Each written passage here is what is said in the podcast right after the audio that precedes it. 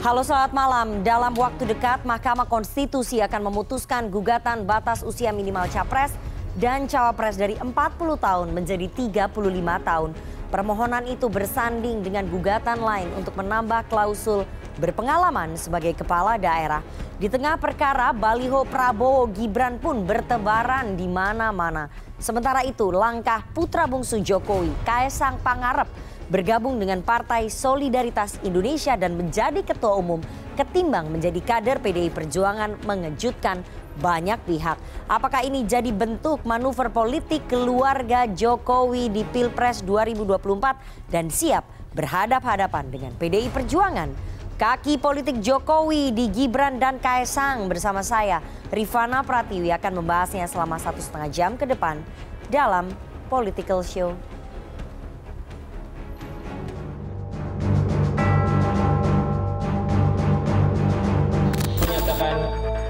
Jelang pendaftaran Pilpres 2024 yang kurang dari satu bulan, dinamika politik kian kencang. Manuver politik keluarga Presiden Joko Widodo menjadi sorotan. Dalam waktu dekat, diperkirakan Mahkamah Konstitusi akan mengeluarkan putusan terkait uji materi pasal 169 huruf Q Undang-Undang Nomor 7 Tahun 2017 terkait batas usia minimal capres dan cawapres yang diturunkan dari 40 tahun menjadi 35 tahun. Setidaknya ada tiga permohonan uji materi terkait yang akan memasuki agenda sidang pengucapan putusan. Tiga permohonan itu di antaranya diajukan oleh kader Partai Garuda, kader Partai Solidaritas Indonesia, dan beberapa kepala daerah. Pada kuliah umum di Universitas Islam Sultan Agung Semarang, Jawa Tengah, 9 September lalu, Ketua Mahkamah Konstitusi Anwar Usman mengatakan, permohonan uji materi batas usia calon presiden dan calon wakil presiden sudah selesai diperiksa dan tinggal menunggu putusannya. Anwar juga menyinggung soal pemimpin muda yang sukses pada masanya. Masalah usia batas minimal. Saya sekali lagi tidak bermaksud karena belum putus ya, belum putus ini. Insya Allah uh, pemeriksaannya sudah selesai, tinggal nunggu putusan. Saya sudah kasih contoh tadi, bagaimana Nabi Muhammad mengangkat seorang panglima perang umurnya belasan tahun. Saya tidak menyinggung ini ya, apa pun putusan itu ya. Jangan dikaitkan dulu, ini nggak boleh saya bicara. Tapi memang betul. Belakangan muncul permohonan terkait batas usia minimal capres dan cawapres, namun dengan menambahkan klausul berpengalaman sebagai kepala daerah, baik di tingkat provinsi maupun kabupaten kota. Pemohon adalah Almas Sakib Biru, mahasiswa asal Surakarta berusia 23 tahun. Kuasa hukum pemohon Dwi Nurdiansyah Santoso menyebutkan berapapun batas usia yang diputuskan, pemohon tetap menginginkan adanya klausul berpengalaman sebagai kepala daerah. Di tengah proses uji materi di MK, muncul baliho baca pres koalisi Indonesia Maju Prabowo Subianto dengan putra Presiden Joko Widodo Gibran Rakabuming Raka di beberapa daerah. Dikutip dari detik.com, baliho Prabowo Gibran bertuliskan Ayo Mas Gibran, teruskan Indonesia Maju, tampak di Surabaya, Jawa Timur. Relawan Projo pun menggelar konferensi daerah dalam rangka menjaring aspirasi di Pilpres 2024. Ketua Badan Pemenangan Pilpres Projo Panel Barus mengusulkan Gibran sebagai bacawa pres yang mendampingi Prabowo Subianto dari kalangan Kabula Muda. Kumawar bukan nama sebenarnya.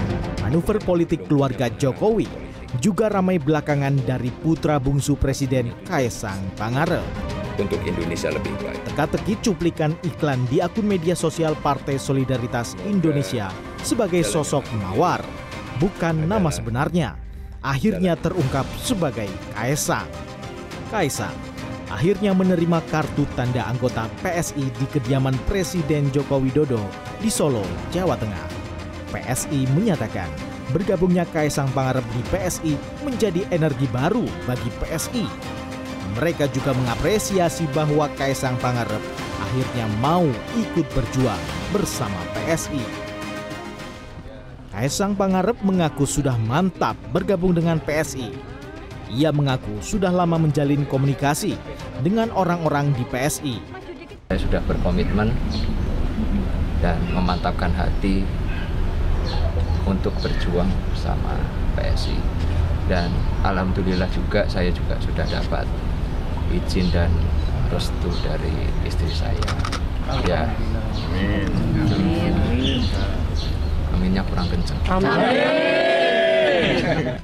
Jokowi mengakui Kaisang sudah minta restu atas keputusannya bergabung ke PSI. Ya biasa di dalam keluarga minta doa restu. Karena saya bilang tidak pun juga tetap akan jalan. itu anak-anak saya seperti itu kalau mau tahu. Ya. Menanggapi Kaisang bergabung ke PSI, Ketua DPP PDI Perjuangan Jarod Saiful Hidayat menyebut aturan larangan satu keluarga berbeda partai hanya berlaku jika anggota keluarga tersebut belum berumah tangga atau memiliki keluarga intinya sendiri.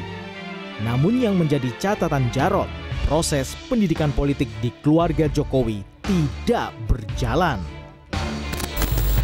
Direktur Eksekutif Indo Strategik Ahmad Hoirul Umam menganggap keputusan Kaisang bergabung ke PSI memperkuat sinyal Jokowi mendukung Prabowo Subianto di Pilpres 2024.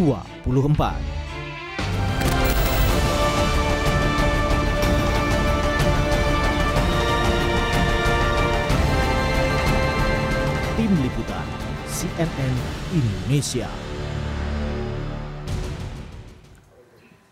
Terima kasih Anda masih menyaksikan Political Show. Kini saatnya kita masuk ke segmen Electionpedia. Tim Litbang CNN Indonesia telah merangkum beberapa gugatan terhadap Undang-Undang Pemilu khususnya pasal 169 huruf Q tentang persyaratan calon presiden dan calon wakil presiden berusia minimal 40 tahun. Ini yang digugat pasal ini uh, oleh beberapa pemohon. Seperti apa gugatannya kita akan tunjukkan jadi gugatan batas usia capres-cawapres ternyata ada sembilan pemohon yang mengajukan ke Mahkamah Konstitusi, tapi kita tidak tampilkan semua ya, karena rata-rata isi permohonannya mirip begitu. Saya akan bacakan nomor perkara 29 PU SSI 2023, penggugatnya Partai Solidaritas Indonesia, isi gugatannya ingin mengubah batas usia minimal capres-cawapres menjadi spesifik 35 tahun. Kemudian nomor perkara 51 dan 55 penggugatnya adalah Partai Garuda dan beberapa kepala daerah. Ada Wali Kota Bukit Tinggi dan juga Wakil Bupati Lampung Selatan yang dua-duanya adalah par, uh, yang dua-duanya adalah kader dari Partai Gerindra. Jadi penggugatnya adalah Partai Garuda dan dua kader dari Partai Gerindra. Isi gugatannya ingin mengubah batas usia minimal capres-cawapres menjadi 40 tahun atau memiliki pengalaman sebagai penyelenggara negara. Ini spesifik diminta oleh dua kader Partai Gerindra dan juga Partai Garuda. Kita lihat gugatan selanjutnya. Nomor perkara 90, ini penggugatnya Almas Saki Biru. Ini merupakan mahasiswa Fakultas Hukum Universitas Negeri Surakarta, UNS Solo. Uh, isi gugatannya adalah mengubah batas usia minimal capres-cawapres menjadi 40 tahun atau lebih spesifik lagi memiliki pengalaman sebagai kepala daerah. Jadi mahasiswa Fakultas Hukum di Solo menggugat ke MK uh, meminta batas usia capres-cawapres minimal di bawah 40 dan atau memiliki pengalaman sebagai kepala daerah. Oke? Nomor perkara 91 dan 93. Penggugatnya adalah Arkan Wahyu dan Gai Ranggaboro. Isi gugatannya adalah mengubah batas usia minimal capres-cawapres lebih turun lagi menjadi 21 tahun.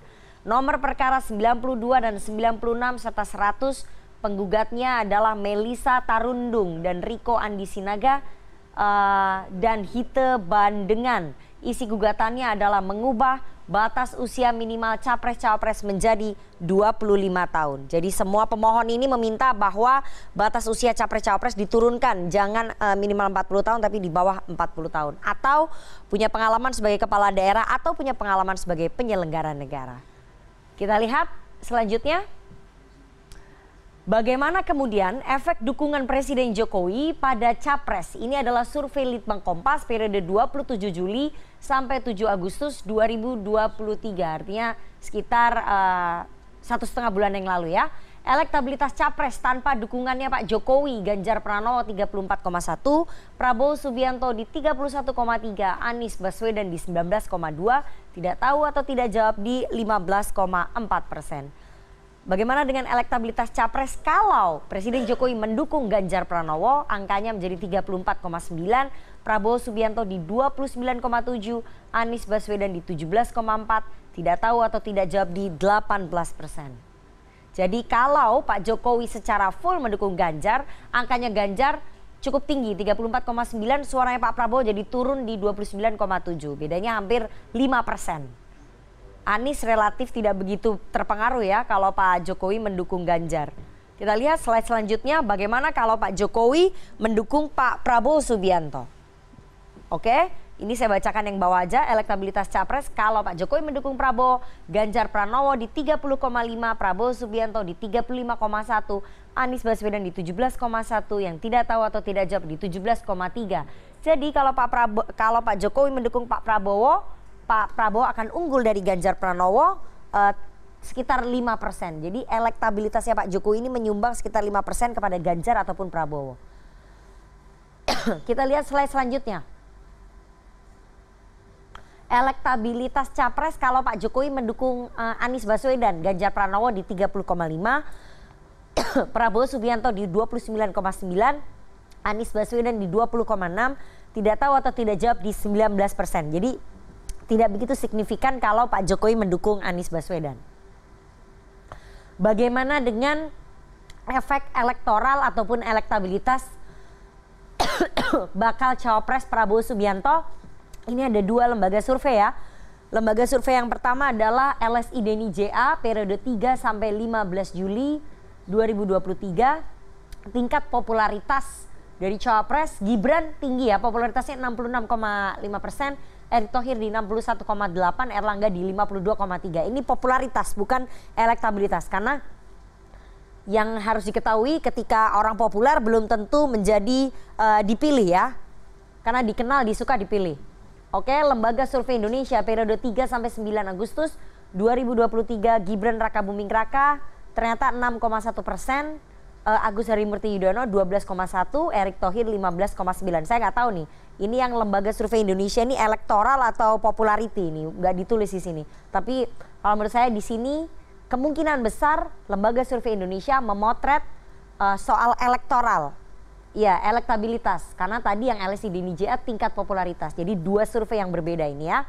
Yang satunya popularitas, yang satunya adalah elektabilitas. Erick Thohir 15,9, AHY 12,1, Gibran Raka Muming Raka 6,1 meskipun populariti Gibran di 66,5 persen. Itu tadi gambaran soal uh, elektabilitas dari seorang Gibran Raka Buming Raka, bagaimana kemudian peluangnya untuk mendampingi Prabowo Subianto kalau Mahkamah Konstitusi mengabulkan soal penurunan usia batas usia capres dan juga uh, cawapres seperti yang dikehendaki oleh dua kepala daerah Gerindra, apakah itu akan membuka peluang Gibran uh, menjadi cawapres Prabowo dan bagaimana juga uh, melihat perjalanan politik dari Kaisang Pangarep yang tiba-tiba saja menjadi ketua umum PSI apakah kemudian PSI akan diarahkan mendukung Prabowo? Kita nggak tahu. Nanti kita akan bahas bersama dengan para narasumber. Jangan ke mana-mana tetap bersama kami di Political Show.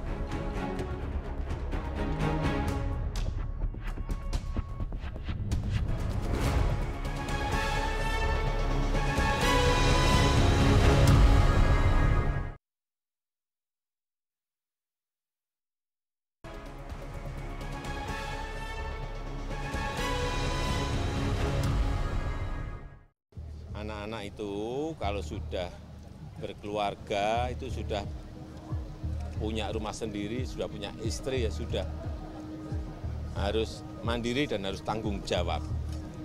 Artinya apa yang diputuskan itu pasti sudah menjadi tanggung jawabnya. Ya biasa di dalam keluarga minta doa restu. Karena saya bilang tidak pun juga tetap akan jalan. itu anak-anak saya seperti itu kalau mau tahu. Ya.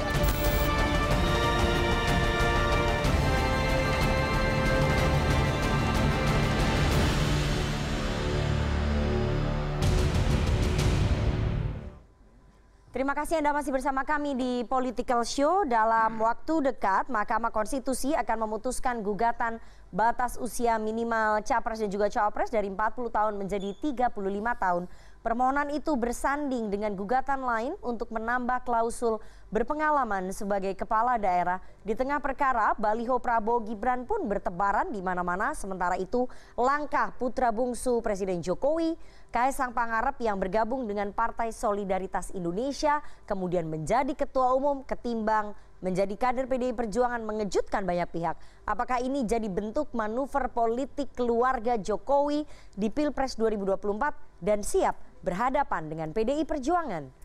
Kaki politik Jokowi di Gibran dan Kaesang. Malam ini kita akan membahasnya dengan narasumber yang hadir di studio. Saya perkenalkan satu-satu dari yang paling ujung. Kita masih menunggu kehadirannya Mbak Bivitri Susanti ya. Tapi saya ada Mas Adi Praitno, Direktur Eksekutif Parameter Politik Indonesia. Selamat malam Mas Adi. Selamat malam Rifana. Polit politisi senior PDI Perjuangan, Opung Pandana Baban. Selamat malam Opung. Selamat malam Rifana.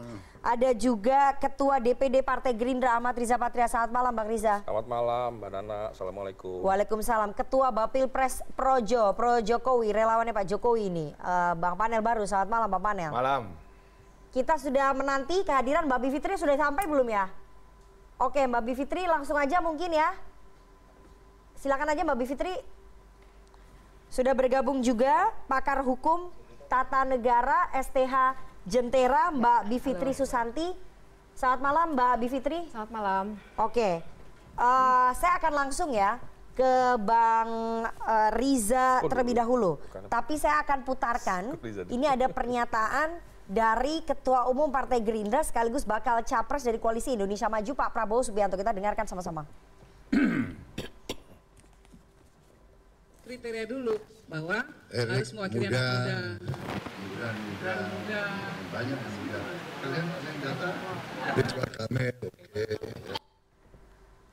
Oke, uh, Bang Riza, tadi Pak Prabowo ditanya oleh wartawan uh, soal cawapres. Kemudian Pak Prabowo menjawab, tadi mungkin nggak begitu kedengaran ya, saya akan uh, ulang ya. Pak Prabowo menjawab, uh, Gibran muda, Erik Muda, RK atau Ridwan Kamil juga oke. Jadi pernyataan Pak Prabowo yang mempertimbangkan Gibran sebagai cawapres itu seserius apa? Karena kan Mas Gibran ini terhalang batas usia capres-cawapres minimal 40 tahun.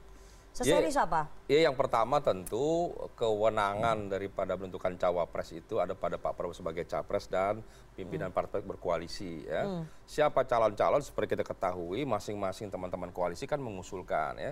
Ketua umumnya Golkar, Pak Erlangga, PAN, kemudian mengusulkan Pak Erick ya. Thohir. Ya PBB pun mengusulkan Bang Yusril. Kemudian di luar itu, di luar partai itu, partai koalisi lain memang tidak mengusulkan, mengikuti apa yang menjadi kesepakatan pimpinan partai. Hmm. Ada nama lain, di antaranya memang uh, Mas Gibran, hmm. kemudian Ridwan Kamil juga, okay. bahkan Mahfud MD mungkin yang lainnya. Memang kita ini kan ingin menang, ya. Hmm ingin menang itu tentu salah satu syaratnya koalisi harus cukup. Alhamdulillah koalisi cukup. Oke. Okay.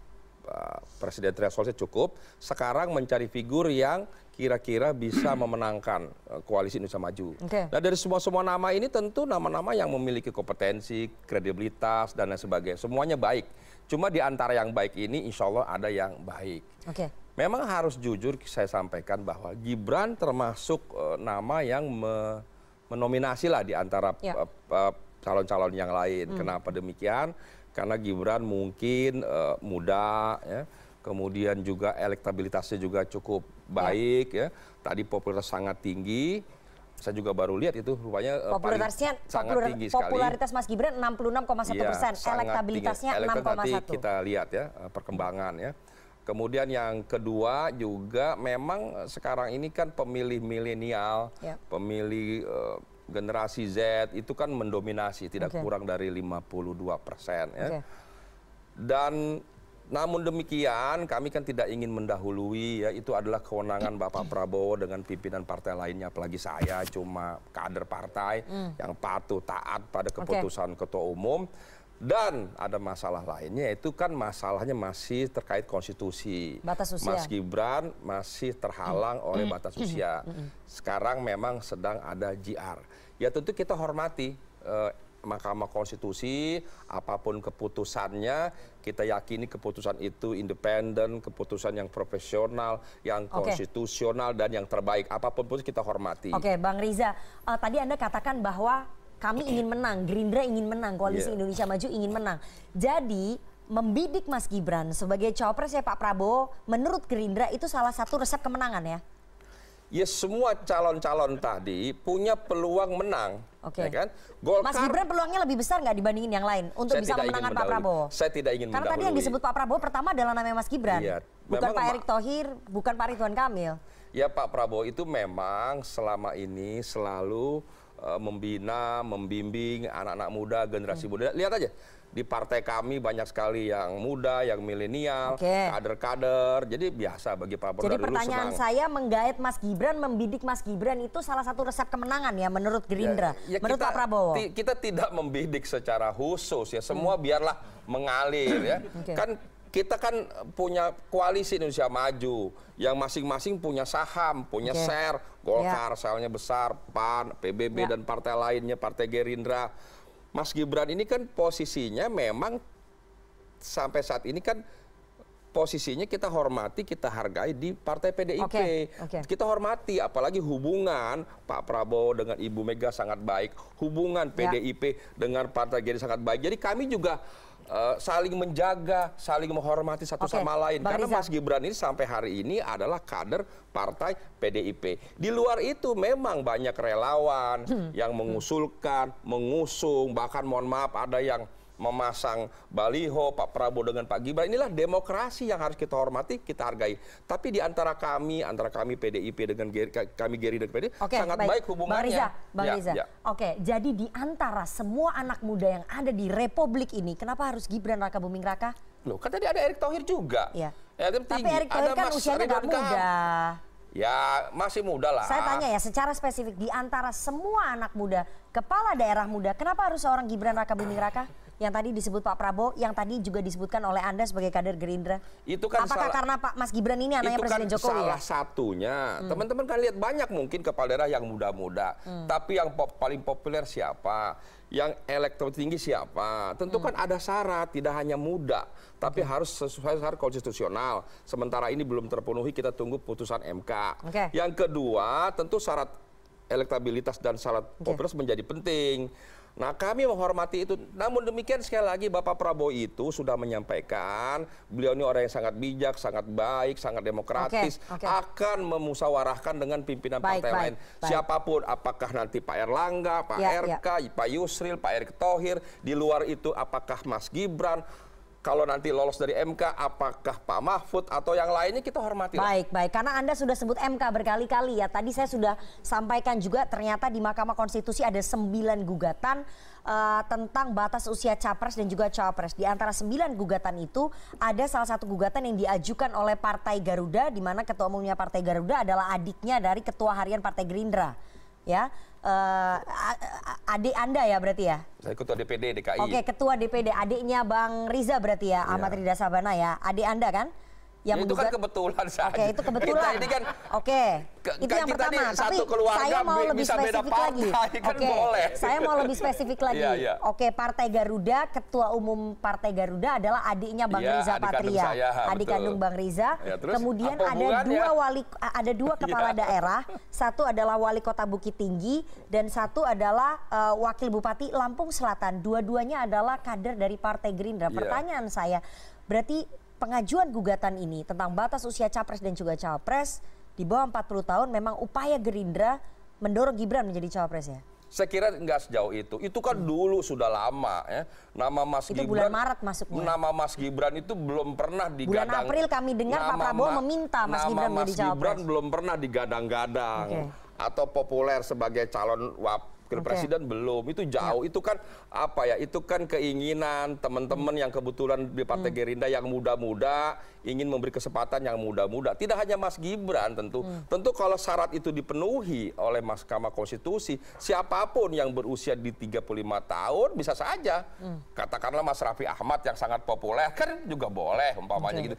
Jadi tidak Populer mesti tapi kan tidak punya kompetensi Ja- sebagai kepala daerah. Eh, itu kan ada tambahan kepala daerah. Iya. Tapi kan ada juga yang menggugat usia saja di atas 35 Kepala kepala tahun. daerah Anda dua kepala daerah Anda menggugatnya adalah batas usia capres cawapres di bawah 40 atau Iya, pernah menjadi itu- penyelenggara negara itu lebih spesifik lagi Iya itu kan tambahan supaya memiliki eh, pengalaman, jam terbang, kompetensi yang Hmm. Jadi baik. itu bukan buat Mas Gibran ya? Jadi Gugatan tidak itu. ada kesengajaan begitu diperuntukkan demikian. Karena kita Oke. negara yang demokrasi, silahkanlah itu kan mengalir. Apalagi Ya. adik saya, saya tidak bisa ngatur-ngatur, punya hak masing-masing. Ya, baik. Dia mau MK seperti apa, kita hormatilah semuanya kepada pimpinan-pimpinan partai Oke, nanti akan oke. mengusung. Saya mau ke uh, Opung Panda. Opung Panda, Anda sempat menyebut bahwa seorang Gibran Raka Buming Raka adalah anak ingusan, tapi ternyata anak ingusan ini seserius itu dibidik untuk menjadi cawapres.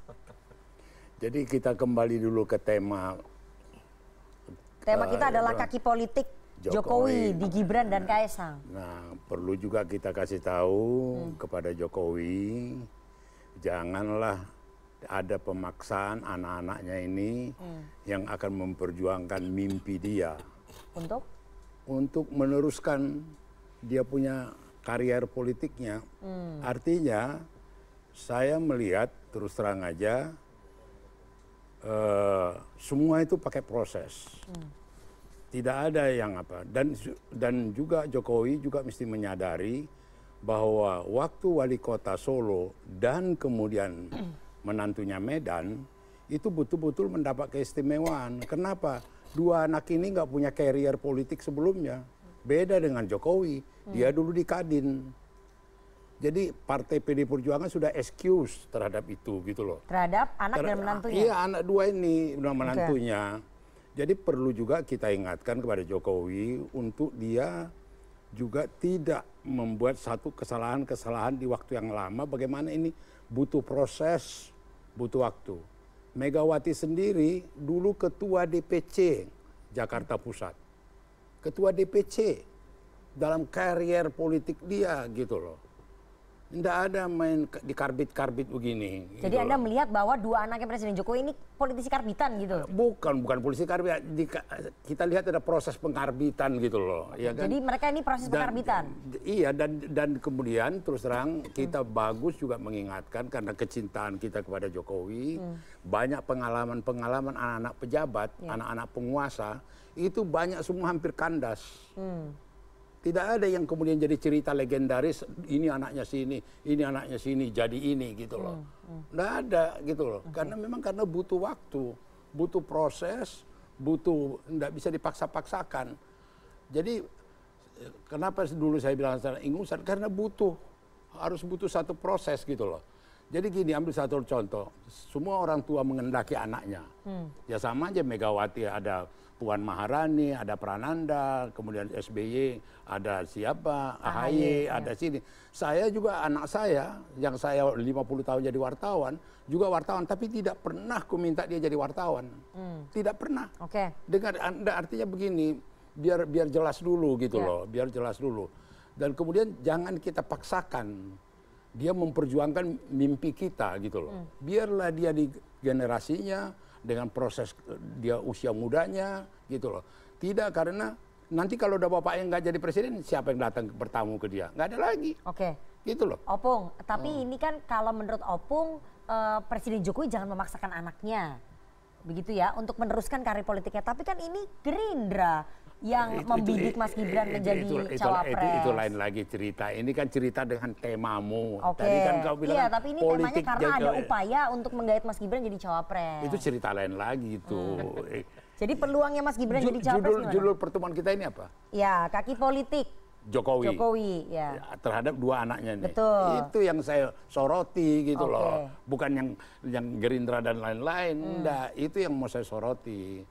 Banyak kita membina anak kita, tapi janganlah kita paksakan supaya anak kita ini seperti kita. Hmm. Oke. Kasihan dia gitu loh. Oke. Kasihan dia dalam proses kemudahannya, biarlah dia lepas. Mas sekarang dia masuk di partai ini, partai ini biar gitu loh. Kalau soal proses di MK-nya bagaimana?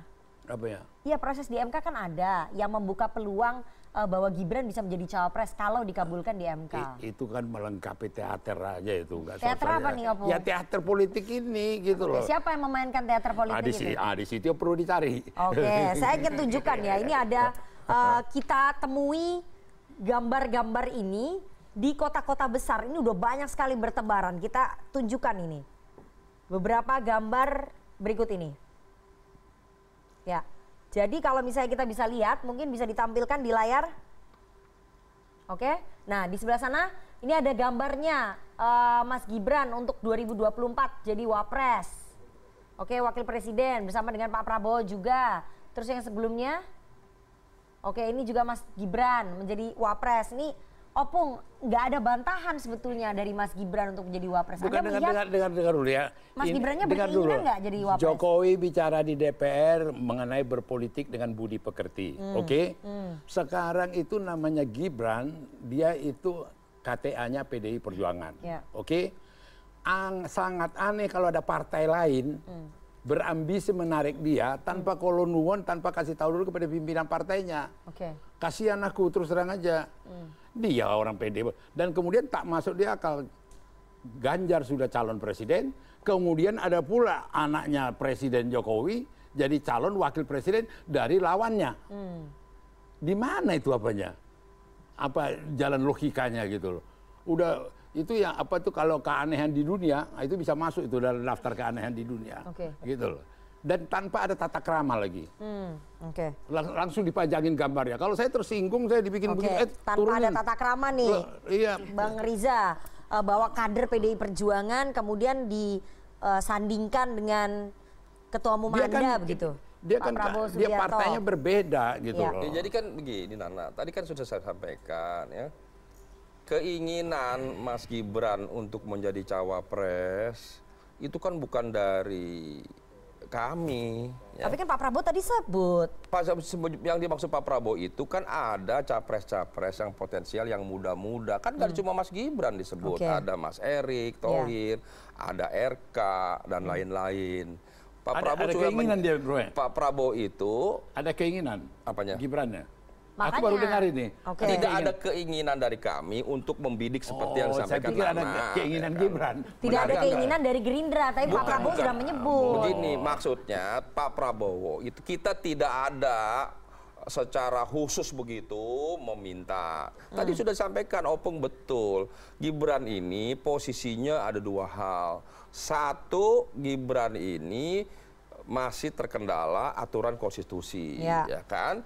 Jadi masa belum memenuhi syarat kita minta, kan kita tunggu nanti Kalau hasil udah tahu terkendala konstitusi, Nanti dulu. terkendala Yang batas kedua- usia kenapa disebut-sebut juga Yang oleh kedua, Ketua ya Umum Anda dan juga kader-kader Partai Gerindra? Ya kalau hasilnya lolos itu kan. Kalau hasilnya Yang lolos berarti Gerindra mau ngambil yang Mas kedua, Gibran? belum sampai di situ Nana. Nanti kan harus diputuskan bersama. Oke. Pak Prabowo kan orang yang bijaksana saya sampaikan tadi. Hmm. Yang kedua, betul Opung Mas Gibran itu sekarang posisinya ber-KTA PDIP, ya Hmm. kan. Tentu ya, kalaupun nanti yang bersangkutan lolos, tentu ada mekanisme yang harus dilalui. Apalagi Pak Prabowo itu orangnya mengerti aturan konstitusi. Tadi saya sampaikan di awal, hubungan Pak Prabowo dengan Ibu Mega sangat baik. Partai Gerindra, mohon maaf, dengan PDIP sangat baik. Bahkan hari ini berkembang isu, kan begitu. Apakah dimungkinkan Partai Gerindra bergabung dengan PDIP? Kan sekarang isu belakangan seperti ini. Oke. Mbak Puan juga sudah menyampaikan Ya. tidak ada yang mustahil kan begitu. Artinya peta politiknya tadi Mas Adin nanti menjelaskan semuanya sangat mungkin. Ya. Eh, ki- Kita hormatilah. Apakah dua poros, tiga poros, ya kan? Ya, Kira-kira ya, antara oke. kita hormati. Oke, ya. Jadi terkait Mas Gibran sekali lagi kita hormati putusan MK dan nanti pada akhirnya para pimpinan partai Baik, akan baik. memutuskan. Oke, dengan tidak adanya tata krama tadi menurut Opung masih mau nggak kemudian bergabung PDI Perjuangan dengan Gerindra? Yang nggak ada tata krama sama siapa? Ini Kita kan tadi justru- Opung bilang. Kita justru bertata krama, Ya. sopan, santun. Gimana, Pung? Itu Masih perlu- mau nggak bergabung? Perlu ditanya itu petinggi-petingginya. Peting-petingnya mana? Ya petinggi PD Perjuangan lah. Kalau menurut Opung Lagi- sebagai politisi senior PDI Perjuangan, gimana kalau bergabung nih? Apa ya? Kan pilpresnya jadinya katanya ongkosnya lebih irit kalau misalnya cuma dua poros. Ya perlu dipelajari juga tuh. Oke, jadi terbuka. Opung bisa Iya, melihat itu, iya, terbuka. iya. Mas Ganjar jadi cawapresnya Pak Prabowo gitu. Apa? Mas Ganjar jadi cawapresnya Pak Prabowo. Jadi capres ya? Capresnya Pak Prabowo. Bentar dulu, bentar dulu. Sudah ada. Itu kan keinginan dengar dulu, dengar dulu. Ini biar biar, biar pemisah. Nah, Sudah ada peristiwa yang terjadi jalan di sawah. Hmm. Jokowi di depan, dua di belakang. Namanya Ganjar sama Prabowo. Ya.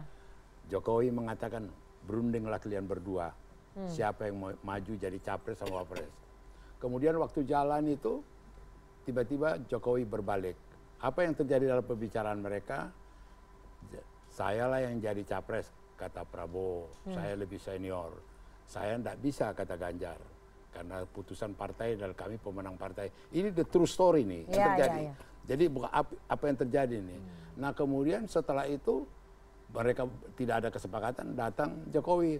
Ini yang menjadi pegangan kita ya kata. Pada sampai titik itu tidak ada kesepakatan mereka siapa capres siapa wapres. Itu yang ku tahu gitu loh. Jadi nggak bisa dong ya bergabung jadi, ya. jadi selesailah dulu adegan itu gitu loh. Oke, jadi nggak bisa bergabung kesimpulannya Iya, begitu di iya, sawah. iya. Tapi kan politik dinamis. Saya Ini mau ke enggak, ini aku snapshot aja. Iya, ada iya. terjadi gitu Oke, saya mau putarkan ya soal gugatan di Mahkamah Konstitusi ini ternyata masih bergulir terus. Eh, ada 9 gugatan, tapi ini yang paling baru nih yang perkara nomor 90 ini menarik sekali ini spesifik. Kalau eh, tidak bisa usia 40 tahun, paling nggak pernah menjadi kepala daerah ini spesifik sekali. Yang mengajukan adalah anak Fakultas Hukum Universitas Surakarta Solo. Kita dengarkan. menyatakan pada pasal 169 huruf I Undang-Undang 7 tahun 2017 tentang pemilihan umum lembagaan di atas sepanjang frasa berusia paling rendah 40 tahun bertentangan dengan Undang-Undang Dasar Negara Republik Indonesia tahun 1945 dengan bersyarat tidak mempunyai kekuatan hukum mengikat sepanjang Secara bersyarat, bukan dengan bersyarat. Secara bersyarat ya.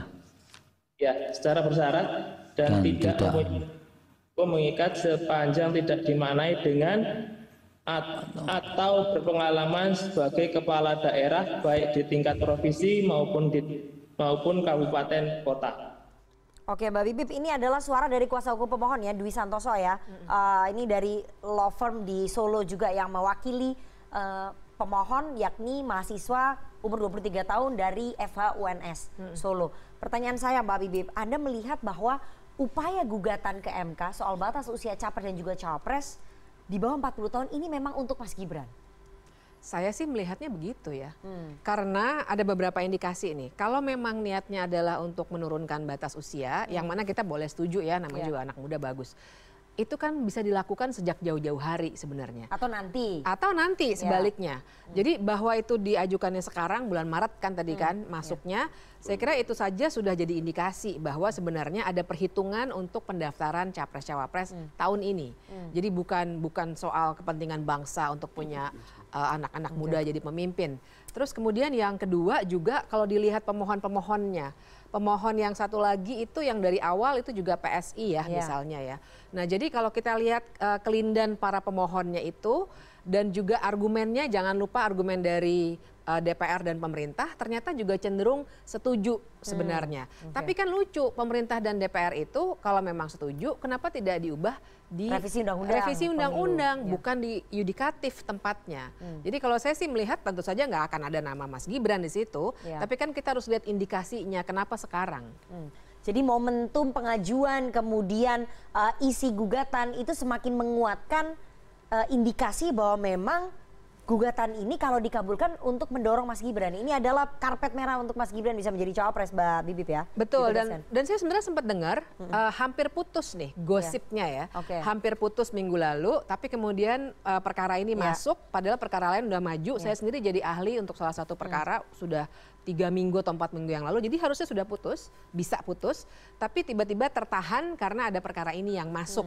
Nah, jadi kan ini juga jadi indikasi sebenarnya apakah ada sebuah konstruksi supaya nanti putusannya memang mengabulkan Oke. supaya ada eh, Mas Gibran masuk sebagai cawapres. Oke. Secara kita punya ketatanegaraan ya, menurut Anda bagaimana kemudian eh, seorang anak presiden yang bapaknya masih menjabat kemudian bisa mendapatkan tiket ataupun didorong menjadi cawapres gitu pada saat bapaknya masih menjabat. Secara ketatanegaraan gimana Mbak? Pantas gak Mbak? Sangat tidak etis. Hmm. Kalau bicara hukumnya pasti hmm. tidak ada ya, okay. karena tidak akan sedetail itu hukum mengatur. Tapi kan dalam politik, dalam tata negara juga ada yang namanya etika politik. Yeah. Dan uh, dan kita juga harus ingat, ketua Mahkamah Konstitusi itu juga kerabat ya dari yeah. Pak yeah. Jokowi. Uh, jadi gosip-gosip tadi juga uh, ada di seputar hmm. itu juga. Nah, tentu saja sangat tidak etis dan uh, apa namanya? Jadi kalaupun memang ada permohonan seperti ini, misalnya Mahkamah Konstitusi harus memutuskan bukan untuk yang sekarang. Hmm. Kalau mau untuk yang 2029 nanti. Kalau seandainya Mahkamah Konstitusi memutuskan untuk yang sekarang, kita akan makin melihat begitu jelas bahwa ini ditujukan atau diinginkan untuk uh, Mas Gibran untuk maju menurut saya. Oke, secara ketatanegaraan uh, tidak pantas ya secara etika politik, tapi Projo kayaknya punya pendapat berbeda karena Projo dari 12 uh, DPD Projo dari berapa 34 DPD Projo ya 12 sudah mendukung Pak Prabowo dan 6 DPD Projo ternyata mendukung Mas Gibran. Jadi posisinya Mas Gibran saat ini unggul di Projo hmm. untuk menjadi cawapres. Kenapa kemudian Projo eh, mendorong Mas Gibran menjadi cawapres? Padahal secara ketatanegaraan itu sebenarnya nggak pantas. Ya, logika yang ditawarkan Mbak Bipip ini sangat konspiratif. Hmm. Konspiratifnya di mana? Kayaknya, kayaknya, kayaknya. Hmm. Dan basisnya gosip tadi. Informasi yang diterima Mbak Bipip juga ya, diterima di kalangan itu. wartawan beliau menyampaikan gosipnya, okay. gosipnya. Gitu. Buat saya apa pun yang menjadi apa namanya pengajuan dari semua yang mengajukan ke MK ini, hmm. saya melihatnya adalah upaya dari warga negara siapa pun hmm. itu dalam rangka memperbaiki sistem konstitusi kita. Okay. Dan kami sih dalam posisi akan tunduk dan patuh pada putusan MK itu, hmm. gitu. Karena mekanisme itu memang ada gitu loh. Itu jadi mekanisme yang sah di negara kita di apa ranah hukum kita gitu. Okay. Nah, yang kedua yang ingin saya sampaikan tadi terkait yang disampaikan Opung Panda gitu hmm. ya. Bahwa ini seakan-akan Jokowi yang mendrive hmm. anaknya harus begini-begini, saya katakan tidak ada. Okay. Pak Jokowi ketika berdiskusi dengan kami juga dalam posisi yang nggak bisa ngatur-ngatur anaknya. Hmm bahkan Pak Jokowi sempat sebenarnya ngelarang tapi hmm. anaknya kan punya putusan sendiri anaknya yang mana ini ya Gibran maupun Kaisang. Oke, jadi itu termasuk itu. menjadi cawapres itu juga keputusannya Mas Gibran itu berbeda dengan keputusan bapaknya yang melarang. Langkah politik anak itu tadi. Oke. Ya, gitu loh. Terus yang ketiga masalah eh, mekanisme yang ada di Projo. Ini sifatnya kan aspirasi, hmm. sifatnya suara. Teman-teman di daerah eh, pengurus-pengurus projo di daerah sedang menjalankan yang namanya konverda. Ya. Gitu. Memang dalam konverda ini juga aspek MK kita hitung. Okay. Gitu loh. Kita hitung. Kalau nanti keputusannya MK seperti apa, seperti apa, saya katakan tadi kita akan tunduk dan patuh pada putusan itu. Oke. Okay. Gitu. Memang uh, Ya apa dari, alasannya kemudian Konverda ataupun DPD DPD Projo itu kemudian mendukung Mas Gibran di antara sekian banyak kepala daerah muda. Ya yang padahal kan, Mas Gibran itu batas usianya aja nggak memenuhi syarat. Ya itu kan suara teman-teman pengurus Projo di daerah. Ya apa? Apa suaranya ya. itu alasannya apa? Untuk capres di 13 provinsi okay. yang sudah kami lalui ini bulat hmm. mendukung pencapresan Pak Prabowo. Oke. Okay. Nah untuk wapres memang warna-warni. Ya, gitu tapi Mas ya. Gibran unggul. Mas Gibran cukup dominan. Oke, kenapa? Gitu. Kemudian aspirasinya itu apa yang membuat mereka menjadi mengunggulkan Mas Gibran itu apa? Satu, Di antara kepala daerah muda lain Satu, ya, ya kita berpikir dalam politik elektoral 2024 keikutsertaan anak muda ini tadi seperti yang disampaikan Mas ya. Riga, ceruknya cukup signifikan, ada okay. 52 persen. Saya pikir dengan memasangkan Pak Prabowo hmm. dengan Gibran potensi menangnya sangat tinggi. Hmm. Itu yang pertama. Yang kedua uh, tentang cita-cita Indonesia Emas 2045. Ya, ya. ya, saya pikir kita perlu bridging kepemimpinan muda. Hmm. Dan ini saya lihat ada di apa namanya sosok Mas Gibran salah hmm. satunya, yang juga uh, menurut pandangan teman-teman Projo ya dalam memimpin kota Solo cukup berprestasi. Oke, di antara gitu. sekian banyak kepala daerah jadi hanya Projo melihatnya Mas Gibran ya. Faktor Mbak, anaknya Mbak Presiden Jokowi itu menjadi pertimbangan juga nggak di Projo? Mbak Nana, kalau uh, putusan MK ini di Kabulkan. apa, dikabulkan tentang batas usia, ya ini ada kami hitung ada sedikitnya 22 kepala daerah Ya. yang berpotensial di bawah 40 tahun Hmm. umurnya. Saya pikir ini bukan semata-mata urusan Gibran. Hmm. Ada 22 Oke. gitu loh. Eh, kepala daerah yang umurnya di Tapi bawah kan yang sekarang 40. unggul di Konverda Projo Mas Gibran, nggak ada nama kepala daerah lain. Kalau Ya, memang kalau memang semuanya sama, tidak memenuhi syarat, kenapa nggak ada nama kepala daerah lain? Kenapa hanya ada satu nama kepala daerah muda namanya Gibran Raka Buming Raka? Ya, kita yang Hmm. kedua faktornya menurut teman-teman di daerah ya bahwa kepemimpinan nasional ke depan Ya. kita berharap Hmm. mau melanjutkan apa Yang sudah dilakukan oleh Pak Sudah Jokowi. dilakukan oleh Jadi Pak harus Jokowi. dilakukan oleh anaknya Pak Jokowi gitu. tidak harus, Projo. tapi itulah pandangan teman-teman aspirasi Oke, teman-teman. jadi aspirasi Gitu loh. Projo kalau misalnya sudah pembangunan yang dilakukan oleh Pak Jokowi harus dilanjutkan oleh eh, anaknya Pak Jokowi Enggak, itu begitu. kesimpulannya Nana begitu. Oke, tapi kan tadi Anda katakan Ya kan ada ada ada nomor satu tadi Iya. faktor ceruk Hmm. milenial Gen Z 52% di pemilu besok. Itu artinya Oke, hitungan taktis untuk Oke. menang ya. Ya.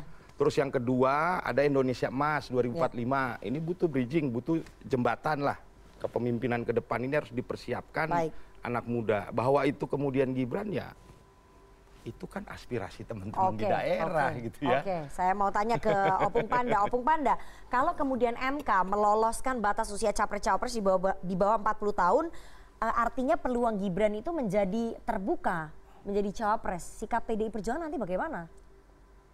Supaya jangan bingung pemirsa dan rakyat Indonesia konsentrasi PDI Perjuangan sekarang mencari calon wakil presiden. Untuk Mas Ganjar. untuk Mas Ganjar. Dan pasti dalam pencarian itu tak ada Gibran. Oke. karena dia kader kami bukan di porsi itu. Itu aja. Hmm. yang rame ini kan di luar kami. Hmm. gitu loh ada yang mencalonkan Gibran lah, ada yang mengapakan Gibran, senang-senang juga sih laku juga nih PD Perjuangan, gitu loh. Ya jadi kalau nanya ke saya, kami lagi sekarang baik Ibu Mega maupun Jokowi sendiri maupun Ganjar dengan beberapa elit di DPP Ya. sedang menyaring siapa yang calon wakil presiden. Dan itu bukan Mas Gibran ya? Ya pasti enggak lah, mana mungkin Ganjar sudah calon presiden kemudian wakilnya ini. Kita kan hormati juga teman koalisi kita. Jadi gitu wait and see ya PD Perjuangan kalau kemudian nanti Nggak MK ada wait and see, nggak ada wait Kalau and nanti see. MK meloloskan, Gibran dilirik, dibidik gimana Nggak, ini? nggak ada wait and see, ini udah jelas kok. Oke, jadi tertutup pintunya kalau menurut Opung. Saya Bukan mau ke- tertutup, udah jelas tujuannya. Tertutup ya berarti ya? Milih calon wapres. Oke, gitu. saya mau ke Mas Adi. Mas Adi, eh, apakah kemudian gugatan soal batas usia capres-cawapres di MK ini memang ada campur tangannya Pak Jokowi nggak? Kalau menurut Bang Panel tadi nggak ada, tapi kok sulit ya menghilangkan eh, indikasi itu? Ya kalau kita meyakini teori konspirasi pasti bilangnya iya, tapi kan yang memutuskan soal ambang batas minimum syarat capres itu bukan Jokowi tapi Mahkamah Konstitusi ya. Makanya kalau ini dikabulkan gugatan soal ambang batas minimum, pasti publik nunggu soal gugatan ambang batas maksimal, umur Ya. yang 70 tahun dan tidak pernah melanggar HAM. Itu juga ditunggu itu. Karena memang kalau kita akui, kita kan harus membaca konteksnya. Nah, ini memang soal gugatan ini pasti terkait dengan Pilpres 2024. Satu misalnya ada dugaan supaya Gibran ini bisa maju.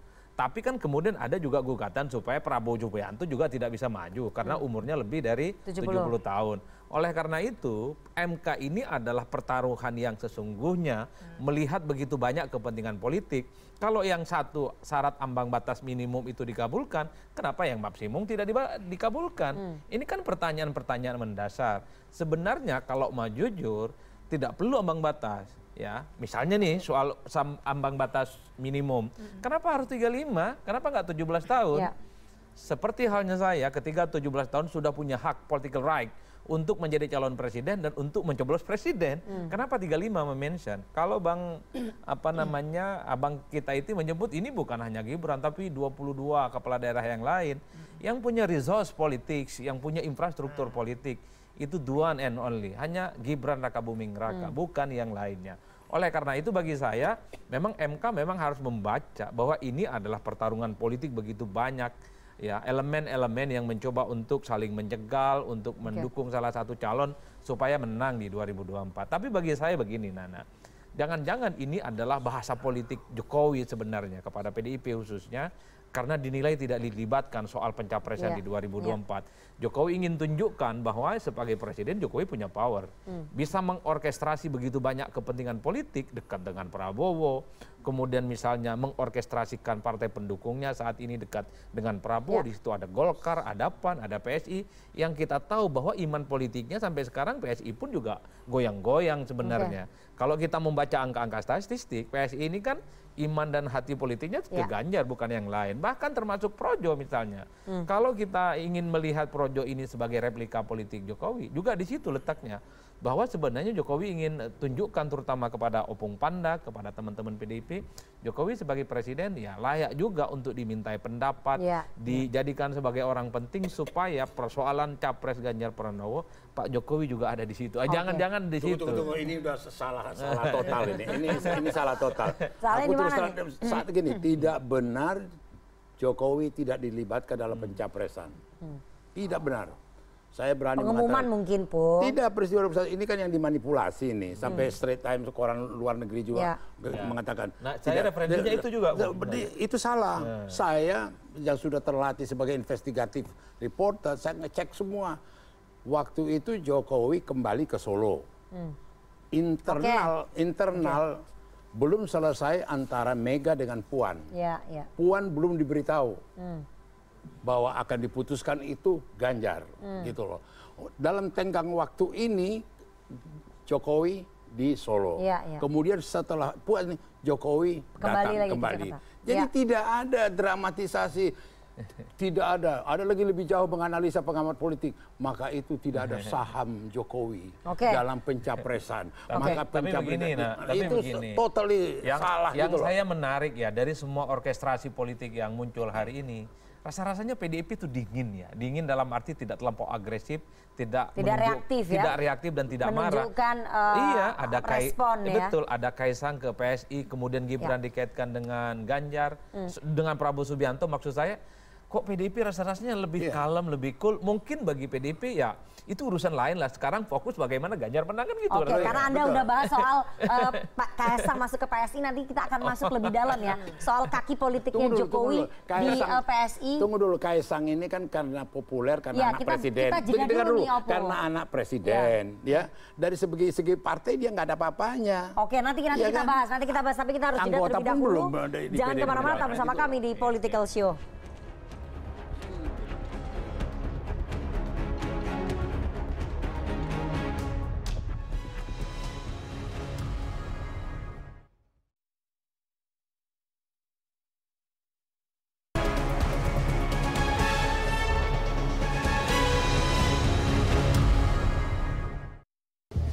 Anak-anak itu kalau sudah berkeluarga itu sudah punya rumah sendiri, sudah punya istri ya sudah harus mandiri dan harus tanggung jawab. Artinya apa yang diputuskan itu pasti sudah menjadi tanggung jawabnya. Sudah. Ya biasa di dalam keluarga minta doa restu. Karena saya bilang tidak pun juga tetap akan jalan. itu anak-anak saya seperti itu kalau mau tahu. Ya.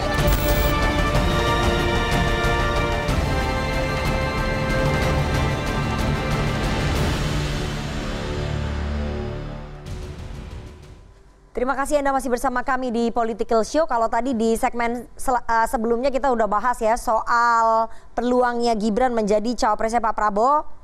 Anaknya Pak Jokowi ada dua, ada Gibran dan juga Kaisang. Yang baru terakhir ini adalah Mas Kaisang yang terjun ke politik baru dua hari yang lalu langsung jadi Ketua Umum Partai Solidaritas Indonesia. Eh, kita akan putarkan pernyataannya Kaisang Pangarep kenapa lebih memilih PSI ketimbang partai bapaknya PD Perjuangan. Ngapain sih saya masuk ke politik? Kacamata optimisme bahwa politik Bila dilakukan secara benar oleh orang yang tepat, maka politik akan menjadi sumber kebaikan dan kesejahteraan. Terus terang, saya masuk politik itu ya salah satu inspirasinya bapak saya sendiri. Juga.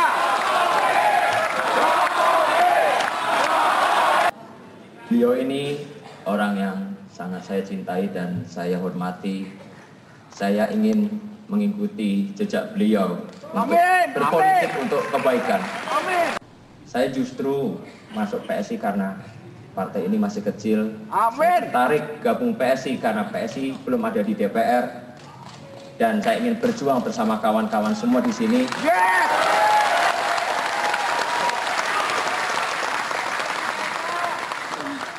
Agar di 2024 PSI menjadi partai besar. Dan di 2024 PSI akan ada di DPR RI. Itu tadi pernyataan dari Kaisang Pangarep putra Presiden Jokowi yang baru saja ditetapkan sebagai Ketua Umum Partai Solidaritas Indonesia setelah dua hari masuk jadi kader. Saya ingin tanya ya ke Opung Panda. Opung Panda eh, alasannya Mas Kaisang masuk PSI karena PSI ini partai kecil, belum pernah ada di parlemen. Jadi eh, Mas Kaisang pengen membesarkan PSI ini. Ini gimana tanggapan dari PD Perjuangan? Sebelum ini Kaisang itu ngomong partainya anak muda, Hmm. generasi muda. Kalau dia mau kenal PD Perjuangan, di PD Perjuangan itu Taruna Merah Putih itu anak-anak muda. Hmm. Jadi banteng muda Indonesia gitu loh. Sudahlah, mau jadi menarik perhatian gerakannya, udah betul lah itu lakonnya itu. Hmm. Ya, tapi, Apa ja, lakonnya? tapi ya artinya kalau dia semudah kan dia bilang karena dia per- partai anak muda, ya, Ya. kan? Di, di PD Perjuangan bahasa gudang. Ini tadi bilang dengan- alasannya karena PSI partai kecil ingin membesarkan PSI, berjuang ya ba- PSI. bagus lah dia moga-moga dia sukses membesarkan. Emang gampang mimpin partai? Hmm. Nggak gampang, bukan kayak bikin kayak bikin warung martabak gitu loh atau pisang goreng, enggak lah. Hmm. Butuh waktu, Oke. butuh perjuangan panjang. Apalagi partai yang kemudian udah langsung menjamin di 2024 akan dapat kursi. Hmm. Berapa? Ya ampun.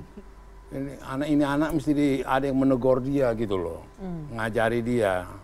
Jangan kita terpukau karena dia anak presiden. Hmm. Maka sak suka-sukanya gitu. Ya enggak lah. Oke, tapi sikap PDI Perjuangan terhadap masuknya Mas Kaisang Pangarep ke PSI ini seperti apa? Nggak ada aturan yang dilanggar Nggak ya ada, Opung? ya bagus dong. Itu, Nggak ada aturan yang dilanggar? Nggak ada, nggak ada. Oke. Ki- Kita juga senang ada pembagian kerja. Ada yang di PSI, ada yang di apa gitu loh. Tapi untuk aturan bahwa satu keluarga harus satu partai di PDI Perjuangan? Kalau belum mandiri, Oke. dia kan seperti yang dikatakan Jokowi, dia kan sudah mandiri. Jadi nggak ada masalah ya? Nggak ada masalah. PDI Perjuangan Iya. cool aja ya? Iya. Oke, eh, ini ada pernyataannya Pak Jokowi ya soal Mas Kaisang sudah minta restu. Saya akan putarkan. Anak-anak itu kalau sudah berkeluarga itu sudah punya rumah sendiri, sudah punya istri ya sudah harus mandiri dan harus tanggung jawab. Artinya apa yang diputuskan itu pasti sudah menjadi tanggung jawabnya. Udah, itu aja. Ya biasa di dalam keluarga minta doa restu. Karena saya bilang tidak pun juga tetap akan jalan. itu anak-anak saya seperti itu kalau mau tahu. Ya. Opung, ini sikap permisifnya Pak Jokowi tentang pilihan politik anaknya, apakah menunjukkan bahwa Pak Jokowi eh, yang merupakan petugas partai, kader terbaiknya PDI Perjuangan, gagal melakukan kaderisasi di internal keluarganya untuk masuk ke PDI Perjuangan? Gagal, ya enggak lah. Masa itu ukurannya? Hmm. Ya enggak lah. Banyak juga tokoh-tokoh PDI yang punya anak Hmm. gitu loh. Dan Terus juga anaknya beda partai? Bukan, maksud aku ini semua butuh proses. Hmm. Ini tidak bisa fast food, nggak bisa kayak makanan siap saji nih. Hmm. Butuh waktu, butuh proses, butuh kesabaran, butuh pengalaman, gitu loh.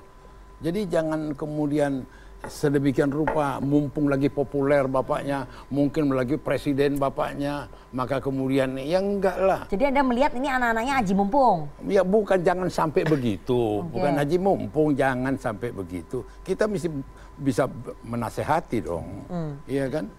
Jadi jadi biar biar clear dulu gitu loh. Ya. Oke, saya mau ke Bang Panel dulu. Bang Panel, eh, sebagai relawan yang intensif ya berkomunikasi dengan Pak Jokowi, sikap permisifnya Pak Jokowi terhadap pilihan politik anaknya, apakah kemudian bisa mencerminkan arah politiknya Pak Jokowi juga? Saya pikir tadi udah saya jelaskan Hmm. ya bahwa ini pilihan politik anaknya masing-masing.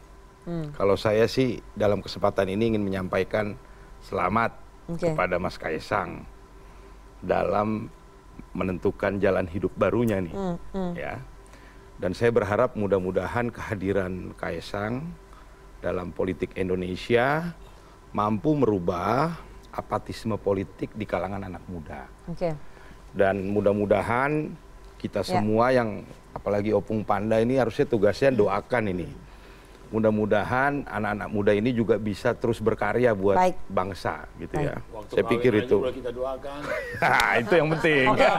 okay. okay. saya saya harus uh, menyapa Wasekjen DPP PSI Partai Solidaritas Indonesia sudah ada Mas Dede Prayudi yang bergabung melalui sambungan telepon ini langsung dari arena Kopdarnas di Jakarta oh. Theater. Langsung. Sudah ada Ketua DPP PSI. Siap. Mas Dede Prayudi, Mas Uki, uh, saya ingin tanya ya, ini bagaimana kemudian dalam waktu dua hari seorang Kaisang Pangarep baru jadi kader kemudian langsung diminta jadi ketua umum. Ini proses di dalam PSI ini bagaimana sih sebenarnya Mas Uki?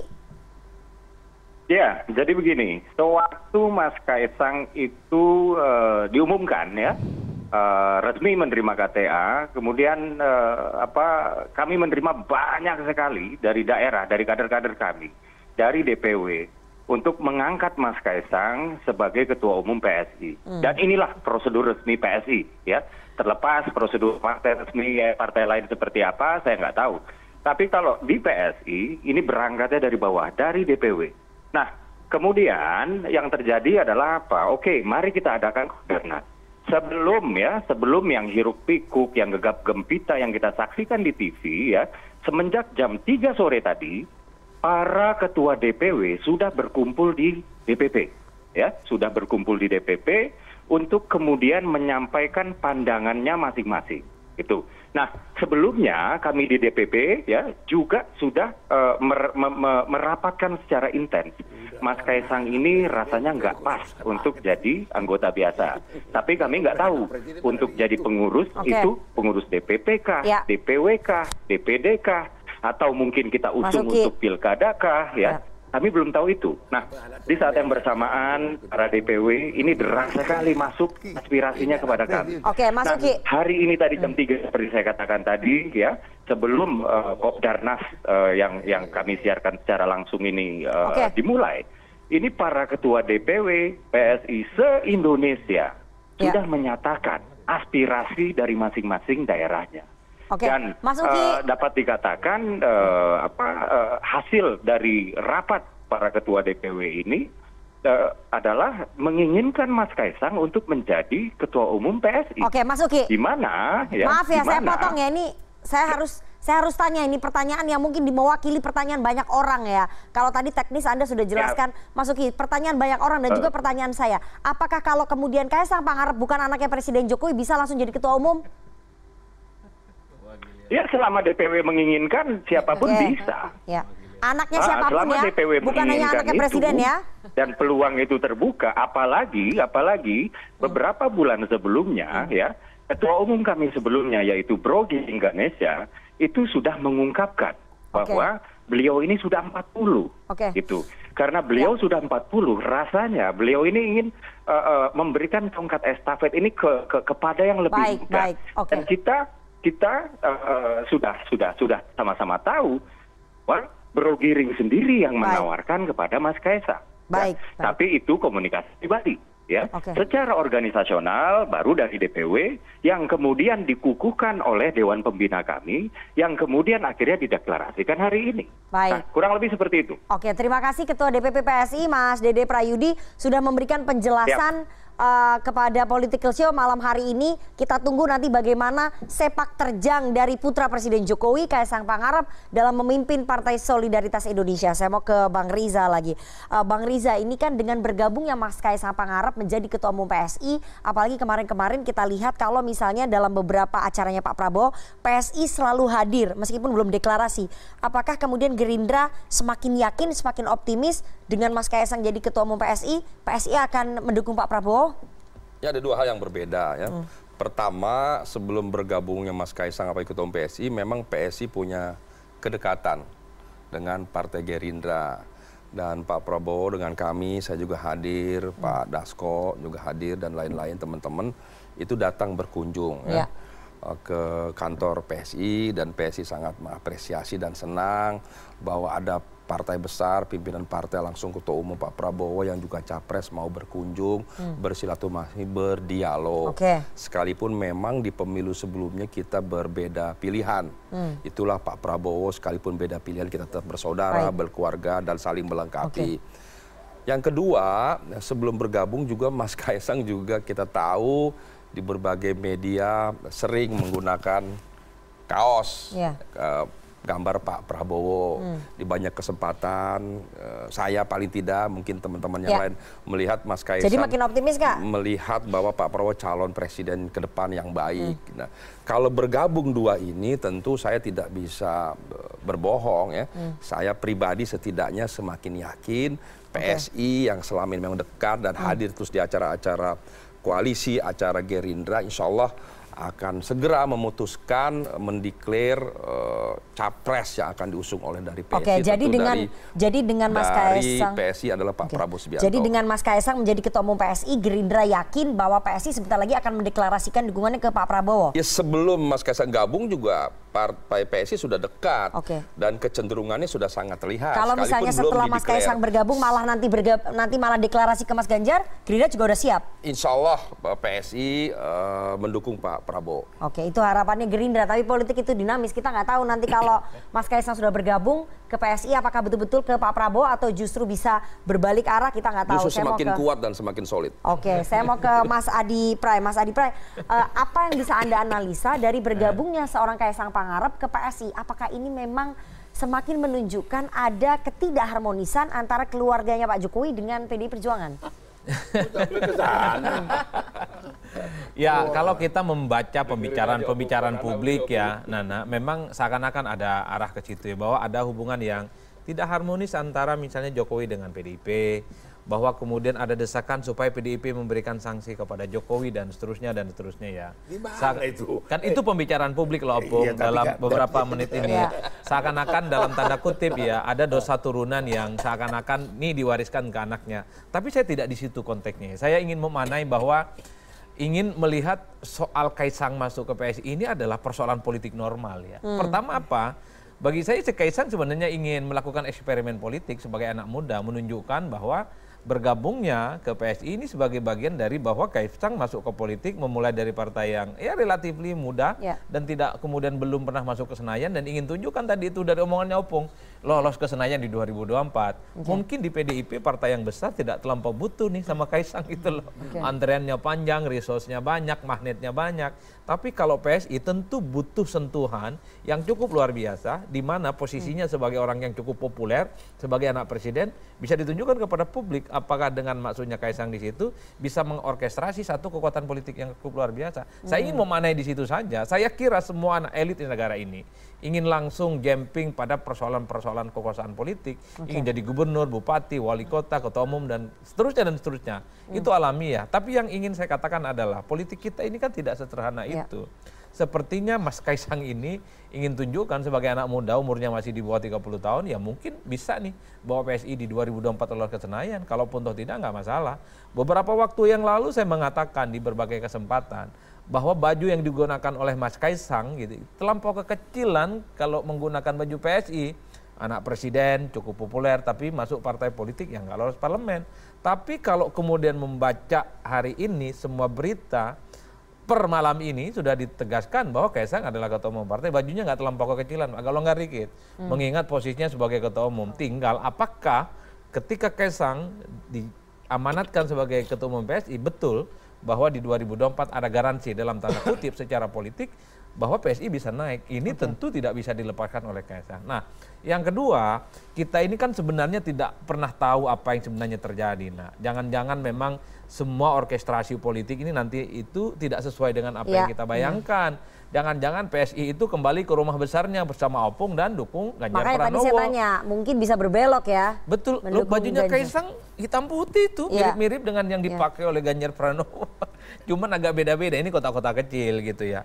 Karena kalau kita membaca ya per hari ini bisa dicek di surveinya Ganjar, di surveinya Anies, di surveinya Prabowo Subianto.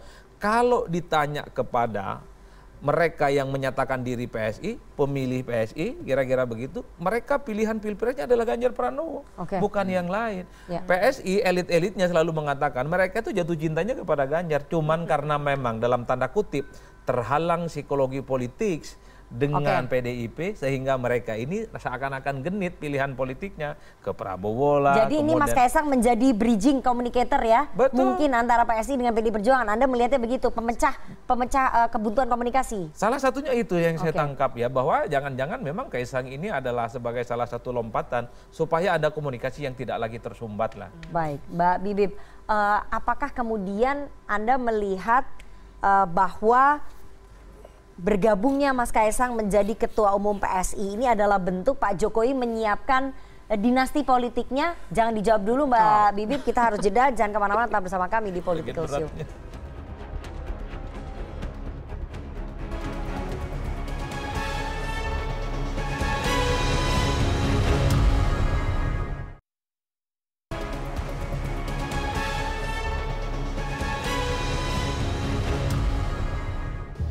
Anak-anak itu kalau sudah berkeluarga itu sudah punya rumah sendiri, sudah punya istri ya sudah harus mandiri dan harus tanggung jawab. Artinya apa yang diputuskan itu pasti sudah menjadi tanggung jawabnya. Sudah. Ya biasa di dalam keluarga minta doa restu. Karena saya bilang tidak pun juga tetap akan jalan. itu anak-anak saya seperti itu kalau mau tahu. Ya.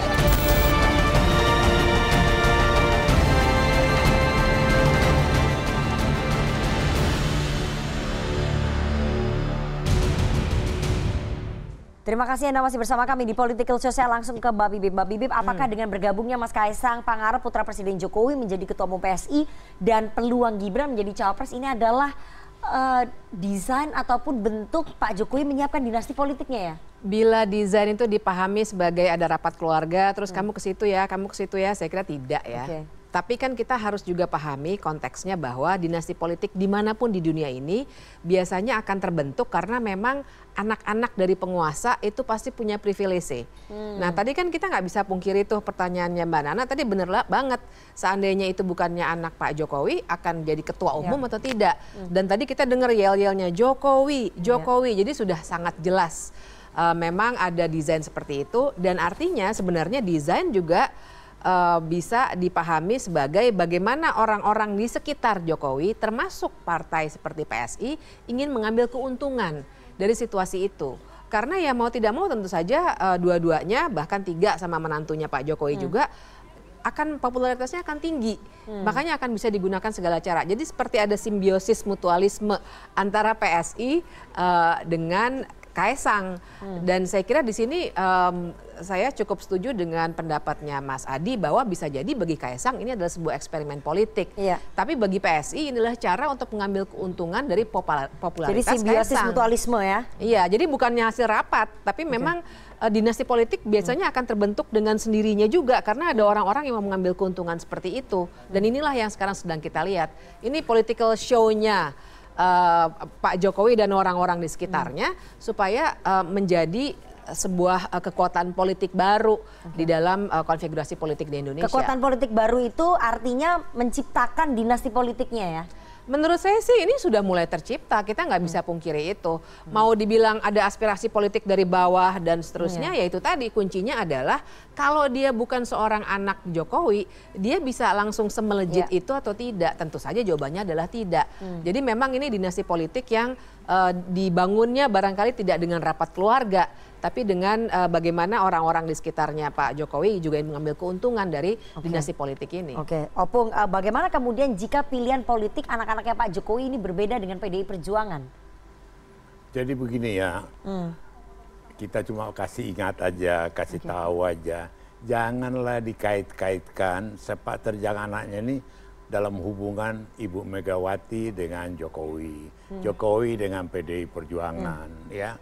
Itu betul-betul PDI Perjuangan dengan Jokowi ini dari awal dari awal itu betul-betul dijaga hubungannya. Hmm. Orang banyak tidak tahu Pramono Anum itu sekretaris kabinet Ya. itu plus plus apa? Menghubungkan Jokowi dengan partai, menghubungkan Jokowi dengan Mega. Ya. Itu 10 tahun yang lalu didesain, Oke. 9 tahun yang lalu. Jadi kalau kita checkpointnya, kalau hubungan dua ini nggak betul yang salah Pramono Anum. Ya. Udah gitu aja. Yang apa ini gitu.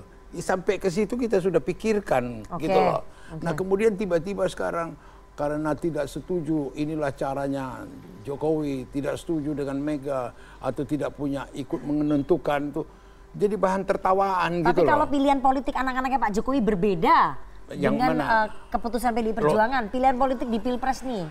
Jokowi lah yang bisa menjawab itu. Hmm. Ya kan? PDI Perjuangan yang tetap satu percaya ya bahwa yang Pak satu Jokowi tetap bisa kita kan bebas saja ya. anaknya di keluarga PDI Perjuangan juga ada juga. Hmm. Ada juga ya kakak beradik terus terang aja yang kebetu- kebetulan marganya. Eh, abangnya di Gerindra, dia di PDI Perjuangan ada gitu Hmm. loh. Oke. Jadi itu biasa gitu loh. Biasa cuma tadi harus dilihat secara objektif bahwa faktor karena anak presiden. Hmm. Kita cuma bilang hati-hati. Hmm. Kalau anak presiden dengan banyak godaan, banyak fasilitas, banyak ini. Kita udah lihat anak-anak presiden yang lain pada rusak gitu Oke. loh, ya. Jadi jadi jadi ini, Ini biar doanya opung supaya nggak rusak Loh, gitu ya. iya, pernyataan ini kita opung. ingatin gitu loh. Oke, ya. oke. Semoga peringatannya Opung didengar ya. Oke, Gitu loh. saya mau ke Gerindra. Apakah kemudian menggait Mas Gibran menjadi cawapresnya Pak Prabowo kalau memang dikabulkan oleh MK ini adalah bentuk menarik endorsementnya Pak Jokowi? Ya itu kan menana ya, itu kan silakan publik memberikan pendapat. Masa itu nggak dipertimbangkan Ya, sama ten- Gerindra? Tentu kita harus jujur biar bagaimana Pak Jokowi itu kan presiden Ya. 9 tahun, nanti Hmm. akan 10 tahun. Tidak bisa dipungkiri Pak Jokowi punya pengaruh yang besar. Jadi endorsementnya Pak Jokowi itu- penting ya? Itu sesuatu yang biasa Untuk dan Gerindra baik ya? saja. Dan normatif kalau Hmm. presiden punya pengaruh itu justru kalau tidak punya pengaruh itu justru aneh masa presiden 9 tahun nggak punya pengaruh tentu Hmm. pengaruhnya besar kenapa karena selama ini Pak Jokowi telah membangun Indonesia menjadi lebih baik Hmm. lebih sejahtera rakyatnya lebih banyak infrastruktur dibangun lain-lain kan Oke. pertumbuhan ekonomi terus stabil dan sebagainya tentu punya pengaruh dong Ya. terhadap masyarakat apalagi Oke. kepercayaan publik terhadap Pak Ya. Jokowi sebagai presiden terus meningkat di atas 82 persen Jadi penting siapa pun siapa pun yang di endorse ya oleh Pak Jokowi tentu punya pengaruh bagi Oke. masyarakat Baik, dan tentu baik. kami sebagai Partai Gerindra berharap tidak bisa bohong Oke, kita oke. berharap Pak Jokowi memberikan dukungan Ke sebagai pribadi Ya, dia punya hak nih. sebagai partai dia tentu PDIP sebagai presiden dia harus Oke, netral oke. sebagai pribadi punya hati nurani dan insya Allah pada Prabowo Subianto Oke, saya mau ke Bang Panel. Bang Panel, uh, satu menit aja karena waktu kita udah Tenang, habis Bang, ini. tenang, Bang. Uh, Bang Panel, Projo kapan akan memutuskan sikap resmi tetap mengikuti Pak Jokowi atau misalnya Pak Jokowi nanti sampai di ujung ternyata Pak Jokowi netral-netral aja, Projo bagaimana? 14 Oktober kita akan rakernas dan deklarasi dukungan secara resmi di sana Oke. ya dengan di GBK. Lalu yang ingin saya tegaskan juga jangan pula kita terlalu memaksakan sebuah pemikiran kita dan memaksakan pemikiran kita untuk meyakini bahwa Jokowi sedang membangun sebuah dinasti. Hmm. Ya, proses bagaimana Gibran kemudian jadi wali kota ini semua kita pernah berdiskusi.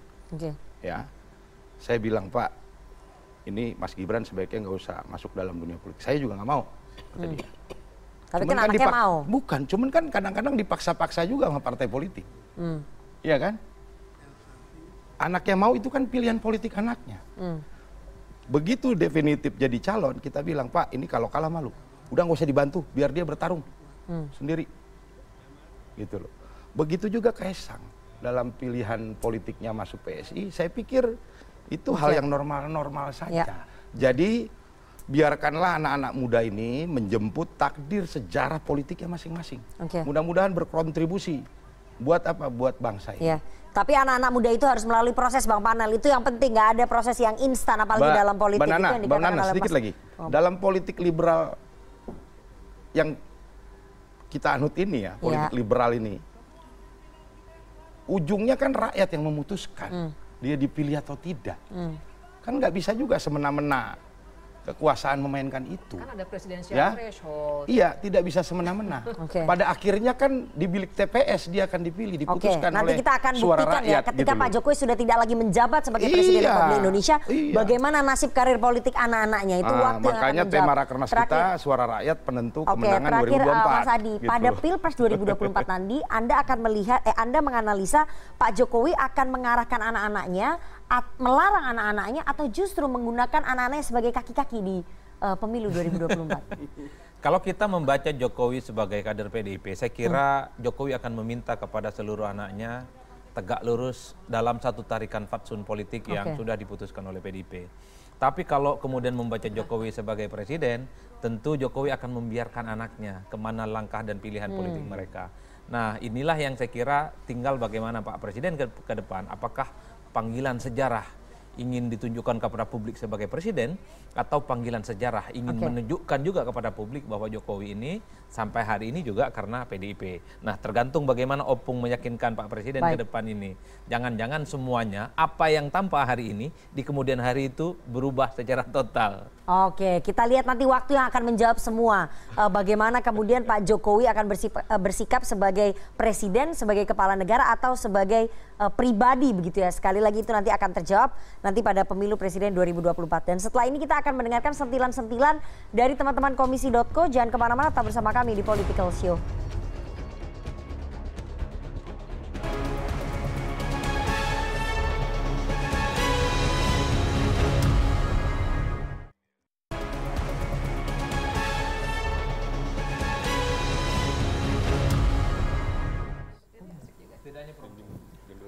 Assalamualaikum warahmatullahi wabarakatuh. Waalaikumsalam warahmatullahi wabarakatuh. Tepuk tangan ke diskusi malam hari ini luar biasa sekali. Kita tadi dapat berita yang mengejutkan banget. Apa itu? PSI akhirnya ganti ke Singkatannya apa sih? PSI Partai Suka-Suka Indonesia. Weh, bukan dong. Bukan ya, Partai Bukan, Solidaritas bukan, bukan. Ya. Aku PSI ganti ketum. Kita mengucapin selamat kepada Bang Giring Ganesa. Ya kenapa selamat ke Bang Giring jadi ketum kan Mas Kaisang? Ya karena dia akhirnya selamat dari posisi ketum PSI. Oh ya. Akhirnya Ya. aman dia. Ya, ya. lucu ya, Karena, lucu ya. karena bang kita tuh setiap kali nih bang Giring bikin blunder, kita di Hmm. CNN ini selalu ngebahas. Oke. Dan kita akan kehilangan materi stand up.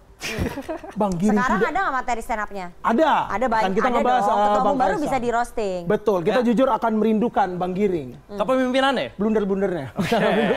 Karena itu jadi bahan materi kita ya. Betul. Betul. Walaupun sekarang ketua PSI itu adalah Mas Kaisang. Ya. Yang kalau dipikir-pikir aneh juga sih. Karena dulu kan Mas Kaisang itu adalah pebisnis pisang goreng. Betul. Terus sekarang jadi ketua partai. Ya. Pebisnis pisang goreng, ketua partai. Dulu jualan pisang, sekarang jualan isu. Eh. Ya, walaupun sama-sama digoreng sih. Iya benar, sama digoreng. Ya. Sama digoreng. Cuman yang aku yang aku penasaran ini Mbak Nana, yang aku penasaran adalah isi grup WhatsApp keluarganya Pak Jokowi sekarang. Ada dua orang dari dua partai yang berbeda. Ya. Saling sindir menyindir, saling sombong nih pasti akan terjadi. Ya. Mungkin Mas Gibran ngechat duluan gitu. Selamat Mas Kaisang jadi ketum ya walaupun PSI. Mas Kaisang ngebales. Sorry ketum sekarang ngobrolnya sama ketum nggak sama kader. Wih. Tapi Maten, maten, maten. tapi untungnya ada Pak Jokowi sebagai ayam menengahi. Sudah, sudah. Kalian belum ada yang jadi presiden.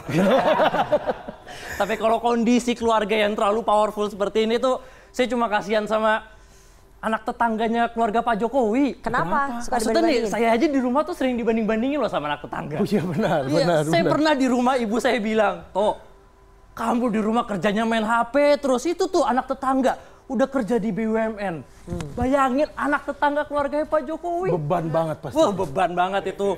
Ibunya bilang, ya Allah kamu dari tadi main HP terus. Lihat tuh anak Pak Jokowi udah jadi ketum partai.